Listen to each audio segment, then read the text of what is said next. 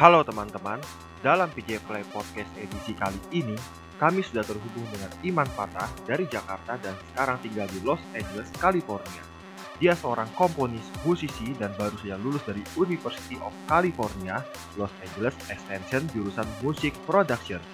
Sebelum lanjut ke obrolan santai ini, jangan lupa follow akun Spotify visual jalanan di s.id garis PJ Play Spotify.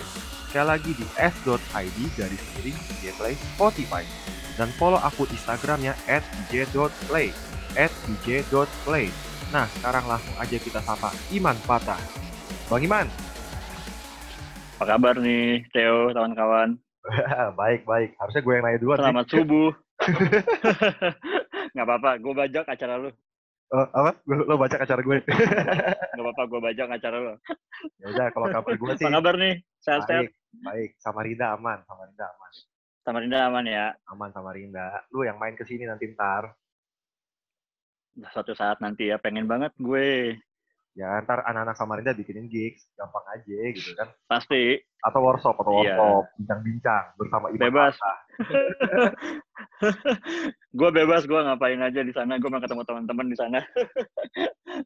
Eh, Terus nih, Baik, apa kabar nih? sehat. Lo apa kabar di sana? Baik, baik. Baik. Gue baik, sehat. Di sini sekarang jam 2 kurang siang. Habis makan siang, terus ya udah sambil kita ngobrol-ngobrol aja. Gitu. Oke. Nah, gue Hmm. ya gue pengen tahu nih, sejak kapan sih lo aktif eh, bermusik gitu loh? Oke, jadi ini panjang nih sejarah. sedikit Oh, aja. sedikit tentang gue, sedikit tentang gue cerita bahwa gue adalah seperti yang Theo sebut tadi, gue musisi, emang musisi itu awalnya gue ya, apa perjalanan kisah gue bermusik itu dimulai dari musisi, terus belakangan gue tiba-tiba merambah ke, pokoknya gue merambah ke hal-hal yang yang masih musik, tapi maksudnya ke, ke kepanjangan tangan dari musik bahwa musik itu bisa dieksplorasi ke mana, ke mana, ke mana dan ya gue akhirnya merasakan eh, apa merambah menjadi produser untuk proyek-proyek musik dan dan selama berapa tahun terakhir itu ya kira-kira 10 tahunan terakhir gue bener-bener fokus di sound design Sound sebetulnya design, oke. Eh, sound design eh, itu gue juga pernah ngerjain untuk film untuk teater untuk pameran dan untuk ya macam-macam lah. Pokoknya yang berhubungan dengan sound. Jadi bukan hanya komposisi musik gitu loh. Nah jadi ya itu jadi gue mulainya tuh dari kalau terekspos dengan musik sih pasti dari lahir kali ya. Dari lahir tuh kita udah ekspos dengan musik karena keluarga gue kan juga berasal dari keluarga yang yang berprofesi di bidang musik gitu ya. Eh, apa terus dan gue sendiri pun sebetulnya mulai-mulai les piano apa ya standar lah kayak anak-anak zaman dulu yang di- dikasih les piano dikasih disuruh belajar alat instrumen musik gitu. Tapi gue mulai benar-benar menekuni dengan serius itu main gitar mulai SMP ya SMP itu gue mulai serius SMP main ya? gitar tapi uh, uh, tapi gue nggak nggak les nggak apa cuma iseng-iseng aja gitu. Habis itu mulai benar-benar mulai itu setelah lulus SMA lulus SMA itu gue mulai serius menekuni gitar ya les mulai baru mulai les cari apa belajar teori musik apa gitar ya fokusnya fokusnya main gitar gitu ya jadi mulai dari SM Tahun eh, berapa? tuh? SMA sampai Tahun berapa? sekarang. Tahun berapa tuh? Ingat gak? sembilan enam iya kira-kira sembilan enam lah Orang lama. Ya gue. Ya gue 96 lah kira-kira. Ya gue 96 mulai dari itu Orang tapi gue lama. belum orang lama asli banget gue. Generasi 98 nih. Terus terus kenapa akhirnya memutuskan untuk studi di LA? jadi gue bukan memutuskan. Jadi kenapa gue ke sini gue ber, merantau ke sini gue udah tiga tahun tinggal di Los Angeles Eh, karena istri gue yang dia tuh dia ngajar di UI di Universitas Indonesia. Dia dosen dan dia dapat beasiswa ke sini. Dia dapat beasiswa dari apa dan dia meneruskan studi S3-nya di sini di uni di University of Southern California. Ya jadilah gue ikut. Jadi gue itu statusnya di sini sebagai dependent gitu. Karena istri gue yang dia jadi kan kalau kalau kita apply visa Amerika itu kan ada ada macam-macam ya visa ya kalau untuk visa pelajar itu ada dua tipenya. Ada visa F F1 nanti dia kalau misalnya dia punya pasangan pasangannya F2 kalau misalnya Oh, istri gue ini visanya J. Dia J1 gue J2 Nah, bedanya visa F sama visa J itu kalau visa F itu pasangannya nggak boleh kerja di sini, nggak boleh kerja, nggak boleh kuliah. Pokoknya pasangannya ya lo nemenin aja gitu. Nah, kalau visa J, gue sebagai pasangan eh, istilahnya dependent gitu ya. Dependent, gue boleh, gue boleh kuliah, boleh kerja dan nggak ada batasan gitu. Oh. Jadi akhirnya kita, jadi gue ke sini karena gue depend sebagai dependennya istri gue untuk mendukung dia kuliah, tapi karena gue boleh kerja dan boleh kuliah, ya gue sekalian aja gitu. gue ambil kuliah di sini dan gue akhirnya juga setahun kemarin udah kerja. Sikat ya, bahasanya sikat, sikat. ya, sikat, kalau ada kesempatannya apa enggak ya? gue masih muda, kan bukan orang lama. Mumpung nggak muda, nggak muda juga sih. Baik yang protes nih kalau gue bilang lu muda. Iya. gue juga protes kalau gue dibilang muda. oh gitu, bagus lah. enggak, enggak. Iya begitulah jadi ceritanya kenapa gue bisa merantau ke sini. Terus uh, lu memperhatikan nggak kancah musik atau kancah bebunyian di sana? Hmm, sebetulnya jadi gue awal-awal waktu gue masih ke sini atau gue baru pindah ke sini itu gue kan langsung masuk kuliah tuh. Nah yeah. di, di, di di kampus tuh ya gue mem, ya maksudnya gue belum terlalu kenal banyak orang ya. Gue belum kenal terlalu banyak orang dan apa dan ya gue lihat sih kadang-kadang gue sesekali datang ke acara yang independen yang yang itulah gitu. Tapi gue nggak bener-bener masuk ke dalam kancahnya sih karena gue ya itu gue belum kenal orang dan gue juga kayak belum terlalu banyak kenal. Jadi gue juga dan kalau ada acara tuh gue juga taunya telat gitu. Ya ada ini di situ dan jauh tempatnya. Jadi kayak aduh gue nggak terlalu banyak me, me, memasuk ke dalam kancah yang kayak sound design apa bebunyian yang independen apa itu gue nggak terlalu banyak. Tapi kalau yang di kampus gue sih yang gue kenal nih teman-teman itu kebanyakan orang-orangnya bukan dari apa kebanyakan apa tujuannya adalah mereka kuliah di sini untuk merantau untuk menjadi musisi sukses di sini di di dunia gitu. Wow. tujuannya populer lah, tujuannya populer gitu. Itu salah satunya. Jadi gue salah gue enggak kalau gue udah kalau gue udah populer gue nggak perlu orang lama orang lama orang lama orang apa bor eh, tapi ya, lu tahu nggak sih gitu. kalau gue lihat gitu huh? Lu tahu nggak sih perkembangan terbaru di Los Angeles untuk musik dan eksperimen uh, suara khususnya gitu? Walaupun lu tertinggal maksudnya tertinggal berbagai kadang-kadang berarti ya tertinggal event ya. Sebetulnya kalau perkembangan sih di sini sama ya kayak di Indonesia gue lihat sih bahkan di, di kita di Indonesia juga udah wah udah canggih banget lah ya kayak lo lo konsisten di di di gerakan lo dan nanti ada lagi di mana ya luar rupa juga si siapa juga si di mana di Jogja juga di mana-mana. Indonesia tuh sebetulnya sama sama di sini gitu loh. Cuma bedanya kalau di sini kan banyak yang bisa banyak yang yang establish juga gitu ya. Dan lagi pula kalau misalnya udah udah di sini berarti kesempatan buat ke mana-mana lebih luas gitu. Kayak kan harusnya kan apa kayak gue kemarin harusnya ke Loop tuh yang Ableton bikin. Uh-uh. apa ke conference-nya Ableton per tahun tapi kan tahun ini dibatalin. Nah tahun lalu itu gue harusnya datang karena emang di, di ada ini di LA gitu. Tapi ya gue nggak nggak datang karena ya itu gue udah mulai kerja jadi gue udah sibuk jadi gue akhirnya nggak bisa datang. Tapi sebetulnya sama sih kalau kancah tuh ya hidup gitu loh. Apa banyak nanti orang dari mana. Dan mereka dan menariknya orang kan apa di sini itu mereka selalu open buat eksperimen dari mana-mana. Apalagi kalau mereka tahu kita dari Indonesia kita dari mana gitu yang yang mereka nggak jarang banget ketemu oh mereka akan senang banget tuh terima Karena mereka senang banget mereka akan appreciate banget akan akan misalnya wah ada sini main gitu loh jadi Terbuka, mereka akan ya? datang gitu mereka open orang-orang sini banget. orang sini terima loh mereka apresiasi loh hmm. Uh, tapi uh, dari perkataan lo tadi sebelumnya, sebenarnya ada perbedaan nggak sih uh, ketika lo melihat kancah uh, LA dan kancah Indonesia sendiri gitu? Kan tadi kan lo melihat persamaannya, perbedaannya? Perbedaannya ya itu apa? Kalau kalau di sini sih kayak kalau di sini sama di sana tuh sebetulnya sama, tapi perbedaannya kalau di sini ya mungkin banyak yang banyak yang ini ya kayak orang dari banyak yang sebetulnya mereka nggak terlalu ini apa ya maksudnya nggak nggak banyak mereka banyak yang nggak hidup dari kancahnya gitu oh. sama kayak di Indonesia juga gitu sih beberapa Jadi, ya. gue misalnya punya kerja punya kerjaan lain tapi ya India you have to pay the bills gitu kan.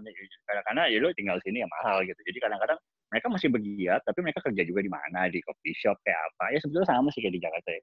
Tapi kalau perbedaannya sih, ya itu perbedaannya itu mungkin kalau di sini exposure untuk ke, ke kancah di seluruh dunia lebih luas ya karena LA gitu. Jadi lo bisa ketemu lebih lo kalau bisa ketemu lebih banyak orang yang kerja di media yang besar apa apa ya sebenarnya di sini kan. Lo nggak tahu lo akan ketemu siapa gitu loh kalau datang ke acara-acara kayak gitu. Jadi jadi ya itu bedanya itu sih karena ya biar gimana kan Amerika kan super power ya. Iya, Semua iya. yang terekspos di sini bisa bisa di- bisa bisa ke, bisa di, diekspor ke ke mana-mana gitu. Jadi itu sih bedanya. Contohnya lu pernah bertemu siapa tuh? Gue gue sih pernah sering kalau ketemu ini. gue pernah ketemu gue gue pernah datang ke lecturenya Terry Riley. Terry Terry Riley itu uh, banget musisi musisi. Kebetulan dia lagi di kampus gue waktu itu. Dia ya, dia ya, tapi gue nggak nggak ngobrol apa gue cuma gue cuma minta foto bareng aja. gue datang ke lecturenya dia. Jadi dia mau ada performance-nya dia di dibawain sama ada pianis mana gitu gue lupa mereka datang show- mereka kayak pre pre pre show gitu Ada masih Ya foto udah sekarang. gua- Udah diposting belum? Udah pernah diposting belum? Dulu? fotonya udah udah dua dua tahun lalu udah, Tuh, tuh, udah lewat udah jauh tuh di bawah di taman gue udah jauh Tapi tuh saat itu eh, apa? eh, dia nggak banyak ngobrol juga ya sama lu ya. Karena mungkin waktu ya. ya enggak ya lagi pula kan emang itu acaranya emang emang buat kayak performance jadi gue nggak nggak ngopi-ngopi bareng gitu loh Aduh. Next time, Oh, gue ketemu. Jadi gue sama gue gue nggak tahu apakah orang-orang banyak yang tahu ya. Tapi eh, kalau kalau misalnya kalau gue gue kan pengguna software Max MSP. Mm-mm. Nah di eh, Max MSP itu apa prog- semacam software programming, music programming gitu. Nah jadi gue tuh sebelum berangkat ke sini, gue di video tuh gue nonton-nonton YouTube gitu. Tiba-tiba ada satu channel yang ngejelasin tutorialnya gitu, oh, gitu. Dia soalnya di sini, terus gue gue temuin aja. gue gue temuin terus dia ya udah dia kerja di ya dia kerja di Max terus dia juga banyak-banyak apa dia juga research ke ke apa sih Sony Culture ya sempat pokoknya ke VST PS itu dia banyak gitu dia bantu-bantuin riset ke beberapa perusahaan kecil itu Oh, Oke oke. gitu nah itu itu, itu bedanya lagi tuh kalau soal kayak gitu-gitu di sini tuh apa hidup gitu ya maksudnya karena karena karena bisa dijual kan. Maksudnya kayak perusahaan VST apa segala macam startup startup yang digital untuk digital sound kayak begitu di sini ya hidup di sini jadi jadi jadi bisnis gitu. Jadi makanya hidup kan. Makanya kita pakai software banyak software software yang dari sini kan. Maksudnya yang dibikin di sini startupnya gitu. Ya di Indonesia juga ada sih kayak si kuasa gitu kan. Mereka udah bikin tuh. Ya sih yang kuasa. Adit Adit. Heeh. Adit, Dea kan. Mereka kan mereka udah mulai bikin dan gue senang gitu ke Indonesia udah udah bikin juga gitu loh. Cuma ya biar gimana kan ini Amerika jadi ya ini LA gitu jadi semua orang pasti banyak banyak per, pertukaran ilmu yang ada di sini karena ya semua orang dari seluruh dunia ke sini ya kan? Nah akhirnya mereka apa jadi ya banyak banyak perkembangan yang terjadi di sini gitu loh. Tapi gue senang kalau Indonesia udah mulai ada yang bikin kayak si Dea gitu Oh iya, gue mau ngorek-ngorek masa lalu nih, anjay. silakan gue gue gue terbuka kok kan kamu juga anu tuh bergabung kan. Lo juga tergabung pada eh, lain ya. Tuh, terus eh eh, Jack and Popo, eh, terus sama Raksasa ya kan. Nah, boleh cerita gak sih tentang eh, lo tergabung dengan project-project saat itu gitu loh. Dan project-project yang sekarang mungkin lo juga solo kan, gue lihat juga beberapa kali lo bikin score juga gitu. mengenai eksplorasinya, mengenai temuan teman lo bersama teman-teman dan atau di project-project lo pribadi gitu. Buat gue. Hmm. hmm. Oke, jadi lain dulu ya. Oh, lain itu isinya eh, lain itu isinya lain itu adalah project band gue pertama yang serius yang di, yang gue tempat gue benar-benar kayak rilis album segala macem. Eh, lain itu perjalanan hidupnya panjang tuh. Gue boleh in- ini sedikit nggak? Boleh ada sedikit promosi ya? Jadi gue ini Oh, lagi nulis nggak buku apa-apa. memoir nih. Kenapa gue kenapa? lagi nulis buku nih isinya memoir. Gue lagi nulis buku isinya Oh. memoir. Memoir perjalanan kisah hidup gue dan pelajaran-pelajaran yang gue dapat lagi diedit sekarang jadi nanti akan gue kabarin kalau kalau udah saatnya keluar entah kapan mungkin tahun depan kali. Kabarin dong, harus dikabarin. pasti pasti. Pasti. ya jadi anyway so di apa lain itu ya isinya teman-teman gue SMA satu gue satu SMA semua tuh isinya. Ya gue Zik Bambi Agi itu semua kita kita nongkrong bareng main bareng gitu kan. Terus ya itu jadinya eh, kita bikin musik ya udah.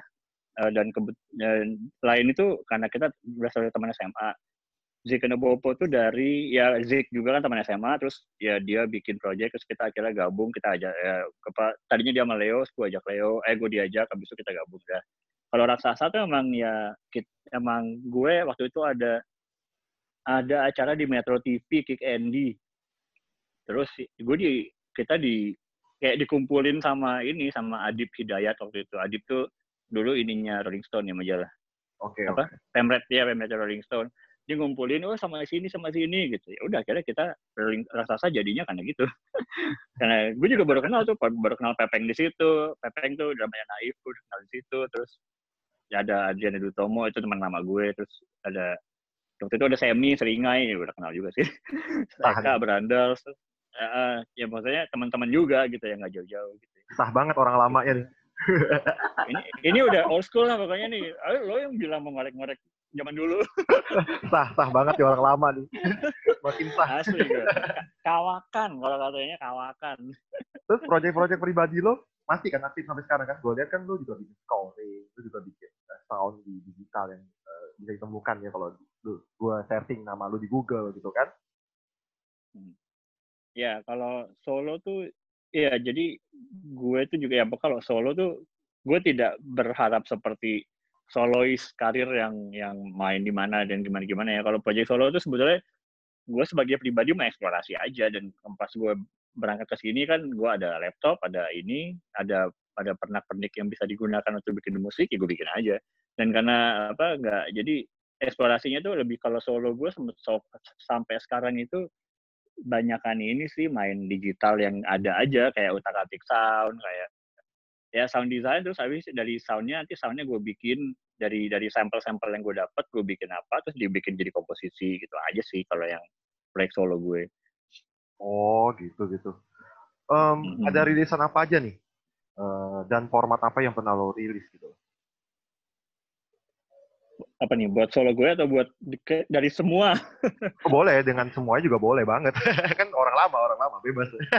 orang lama ya. ya kalau, kalau gitu gue boleh nih bilang gue pernah rekaman pita. Weh. tahun orang berapa lama. tuh? Tahun berapa? Tahun berapa tuh? Pisahkan dulu tahunnya. tahun berapa? Dua sembilan sembilan atau dua ribu? Sembilan sembilan kalau nggak salah. Iya, gue rekaman pita dulu, uh, rekaman pita, terus gue pernah udah gitu gue zaman waktu lain dulu kita rekaman itu pakai VS dulu namanya. Itu kayak sebelum bukan sebelum Pro Tools sih. Pro Tools sudah ada tapi kayak dia tuh kayak hardware sendiri buat khusus buat rekaman digital gitu. Itu awal-awal dulu rekaman digital pakai gitar tuh canggih banget tuh. Cuma berapa? 24 track apa kalau nggak salah? Iya cuma 24 kalau nggak salah 24 terus masuk ke di save ke disket gitu. Oke jadul banget. Iya, gue pernah itu ya pokoknya kita ngakalin aja lah ngakal gue sih kita prinsipnya ngakalin fasilitas yang tersedia di zamannya gitu. Kebetulan sekarang udah canggih banget jadi wah ya udah kita bisa maksimalin aja gitu. Terus kalau sekarang sih formatnya gue full digital ya karena emang gue di sini gue bikin musik sendirian gitu kan gue cuma ada laptop ya udah bikin aja. Dan itu gitu. masih masih Kalau, ya, sekarang masih sampai sekarang kan? Sebetulnya gue udah setahun terakhir udah udah nggak pernah sih karena gue sibuk kantor. Dan sekarang karena gue udah nggak kantor jadi gue ya udah kayaknya gue mulai ini lagi deh fokus lagi ke hal-hal yang ketinggalan kemarin. kantor di mana bang? Gitu. Gue kantor di mana? Gue di sini di suatu perusahaan teknologi besar. besar ya pokoknya. ya, tapi udah enggak sekarang. Hah? Besar lah pokoknya. ya besar lah satu perusahaan teknologi yang di Silicon Valley ininya kantornya. Oh, oke. Okay. Tapi gue nggak di sana, gue gue yang di LA. Mereka kan kantornya banyak. Gitu. Tapi sekarang gue udah nggak ngantor. Gue resmi minggu ini mulai mulai minggu ini nih gue udah nggak ngantor karena ya banyak lah hal yang mesti gue lakukan. Karena begitu ngantor tuh semua kayak proyek-proyek musikal gue ketinggalan semua. Jadi ya udahlah gue sekarang saatnya ini kembali lagi gitu. Nah, lu kan juga baru lulus gitu. tuh dari University hmm. of California Los Angeles. Attention jurusan musik production. Katanya hmm. tadi lewat WA, lu belum wisuda ya? gua nggak bisa wisuda tahun ini. Padahal baru aja lulus. Bisa sih, bisa lewat online. itu itu itu boleh dong cerita pengalaman uh, di sana studinya gitu loh dan apa yang lo pelajarin. Ya sebetulnya jadi gini jadi kan gue kan menerusin kuliah ini kan sejak di sini dan sebelum gue meneruskan di UCLA ini kan gue sebetulnya udah kayak berapa 15 tahun lebih 20 tahun kali ya. 15 tahun gue apa kira-kira 20 tahunan berkecimpung di industri musik jadi sebetulnya banyak ilmu yang gue sudah dapat kan. Uh, okay, okay. apa tapi begitu gue kuliah itu tuh gue banyak ya sebetulnya ilmu yang gue dapat juga sama gue tahu gue udah tahu ini udah tahu itu. Cuma cuma ketika kuliah itu tuh kita tuh kayak pikiran kita tuh kayak ditata rapi gitu loh. Jadi ketika selama ini gue ngeband gue atau tidak gue belajar ini sama itu belajar itu sama ini itu tiba-tiba begitu pas kuliah tuh dirunut gitu. Jadi oh ini awalnya begini dasarnya begini strukturnya begini nanti berkembangnya ke arah sini gini gini gini gini gitu. Itu yang gue pelajarin banget bahwa hal-hal yang kita dapatkan kalau kita nggak kalau kalau dengan otodidak itu sebetulnya berguna kalau kita tahu cara merunutnya gitu. Nah kuliah itu tuh di UCLA itu gue dapat itu. Itu yang mahal sih buat gue. Bukan ilmunya sebetulnya karena ilmunya gue udah tahu. Dari sebelum gue kuliah juga gue udah pelajarin gitu ya. Apa aja tuh jadi yang itu sana, runutan. Kenapa? Tadi uh, apa aja yang sama ya sudah pernah lo pelajari maksudnya udah lo tahu kan gitu? Iya, dan Indonesia juga udah canggih lah sebetulnya kalau gitu-gitu. Apa namanya di mana-mana ya udah sama sih namanya namanya teori ya. Teori kan masih sama kan, teori sound gimana, bunyi gimana, apa segala macam. Apa uh, back mixer gimana, rekaman gimana, nodong mic gimana segala macam. Sebetulnya di Indonesia juga udah. Gue udah udah gue bahkan udah praktekkan selama bertahun-tahun gitu.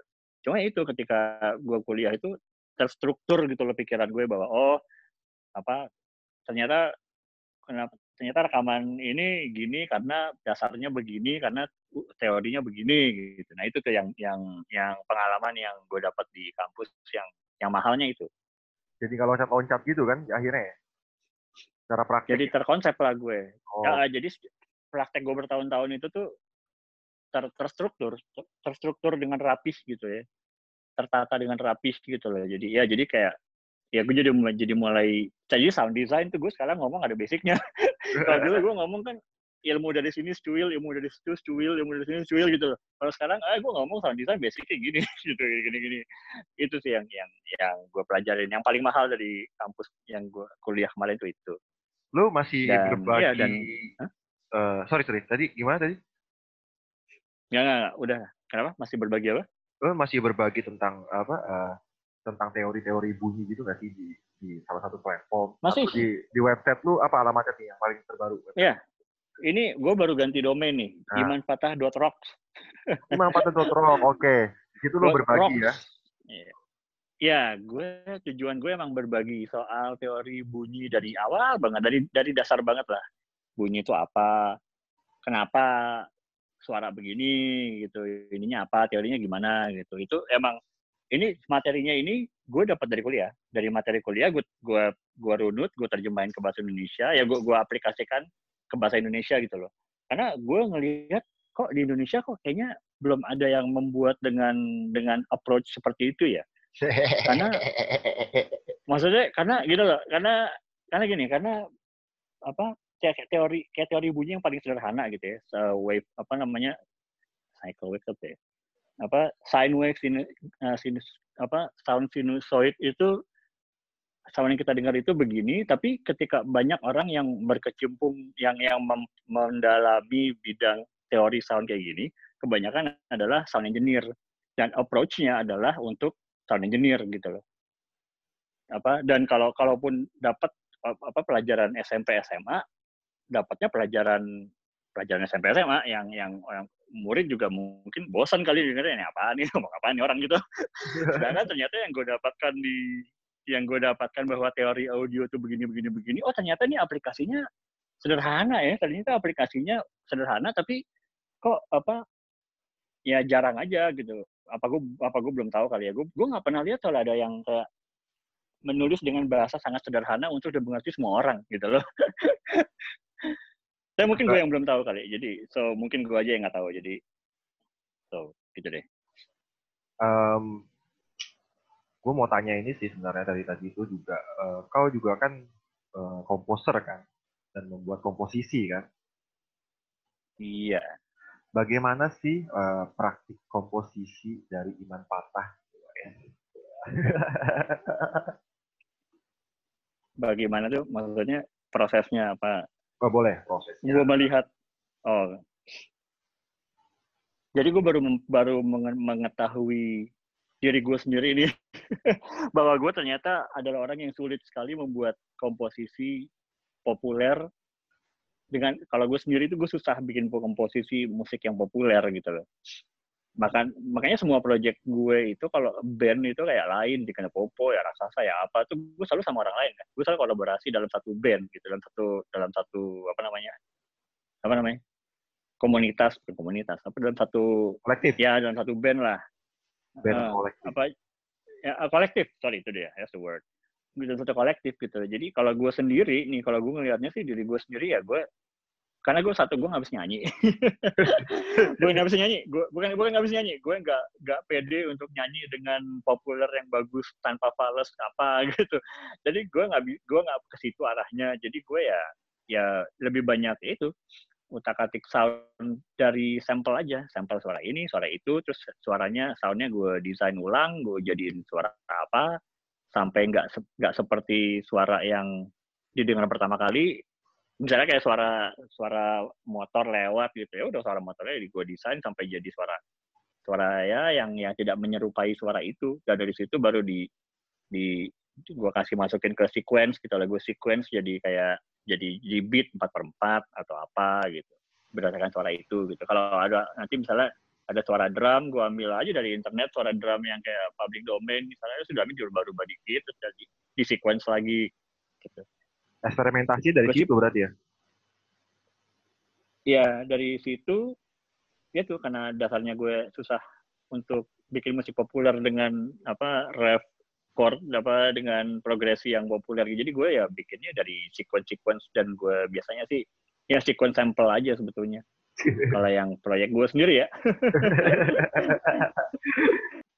Oke oke oke. Um, ke depannya nih ada proyek apa nih? Uh, Ya, selain ah mungkin di, lebih detail tentang buku tadi dan selain nulis buku tadi ada uh, ngerjakan apa nih gitu atau nulis musik atau nulis lirik apa gitu dekat-dekat Ya, ya itu, uh, eh, gue sih kayaknya untuk saat ini gue bakal fokusnya di buku gue, di buku itu karena perlu editing, editing kan pasti banyak, lama tuh bolak-balik segala macam. Terus ya, so far sih gue hanya gue bukan orang yang bisa multitasking sebetulnya.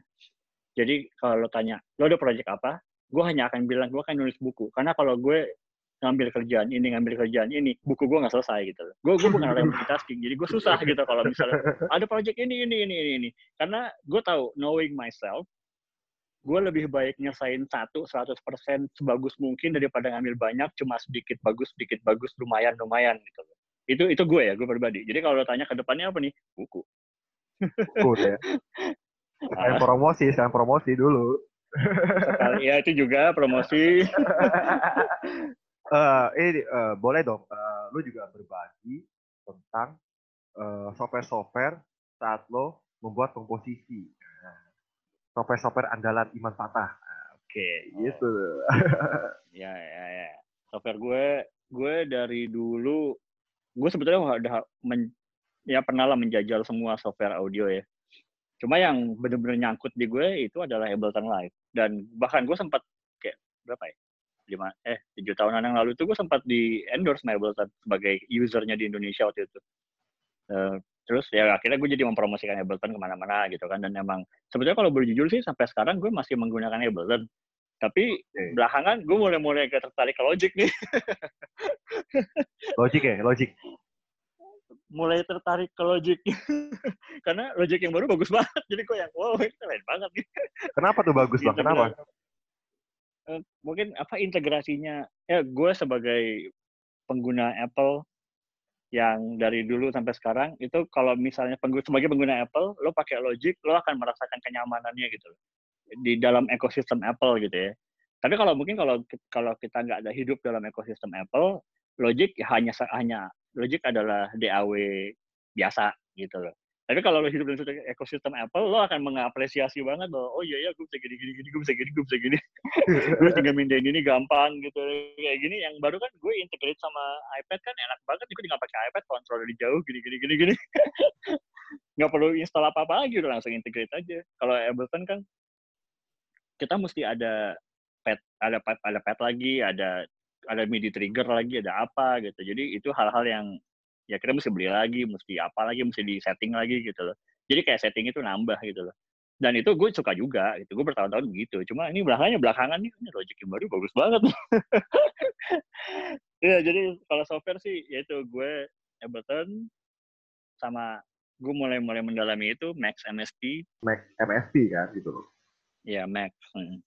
Max tuh itu programming language sebetulnya kan. Jadi jadi Max itu tuh ada Max, ada MSP. Apa jadi Max tuh programming language-nya, MSP itu kalau untuk audionya. Makanya orang banyak yang pakai Max MSP itu karena dia untuk audio tuh bagus banget, integrate banget. Tapi akhirnya karena itu programming language, apa language apa bahasa pemrograman, bahasa pemrograman itu nggak hanya berhenti di audio karena dia bisa diintegrate ke visual, ke segala macam gitu loh. Pokoknya kalau udah kalau udah jadi MIDI kan semua bisa disambungin ke mana-mana kan. Makanya dia kan ini ininya kan apa tagline-nya connect everything gitu. Lo lo sambungin apa aja gitu dan emang bener karena kalau kayak software DAW ya digital audio workstation workstation kan pas kalau audio itu audio fokus gitu loh kayak. Ya Ableton pun masih audio fokus gitu loh. Benar-benar buat musik gitu buat audio. Logic juga gitu Pro Tools apa lagi gitu. Nah kalau Max tuh itu ya meskipun banyak apa banyak orang audio pakai tapi enggak tapi dia bisa disambung ke segala macam gitu loh. Jadi itu yang bikin menarik. Tapi ya tapi ya mempelajari ini juga repot banget sih karena itu programming banget gitu loh. Jadi kadang-kadang kalau udah jeleknya tuh kalau misalnya gue lagi gue punya ide buat musik gitu buat apa sound apa tapi kalau udah masuk ke Max tuh lebih mikirin teknisnya daripada kreatifnya gitu. Gitu. Ya, kadang-kadang malah dari ribet-ribet sendiri gitu jadinya teknik itu dipikirin kreatifnya jadi lupa. Itu lagi enaknya. Tapi itu gue sih. Oke terima kasih Imam Patah semoga sukses. Terus berkarya di sana Oke kawan-kawan, selesai sudah edisi PJ Play Podcast kali ini. Jangan lupa follow Instagram kami at pj.play dan yang paling penting follow Spotify Siswa Jalanan di s.id garis miring PJ Play Spotify untuk mendengarkan podcast-podcast menarik dari PJ Play. See ya!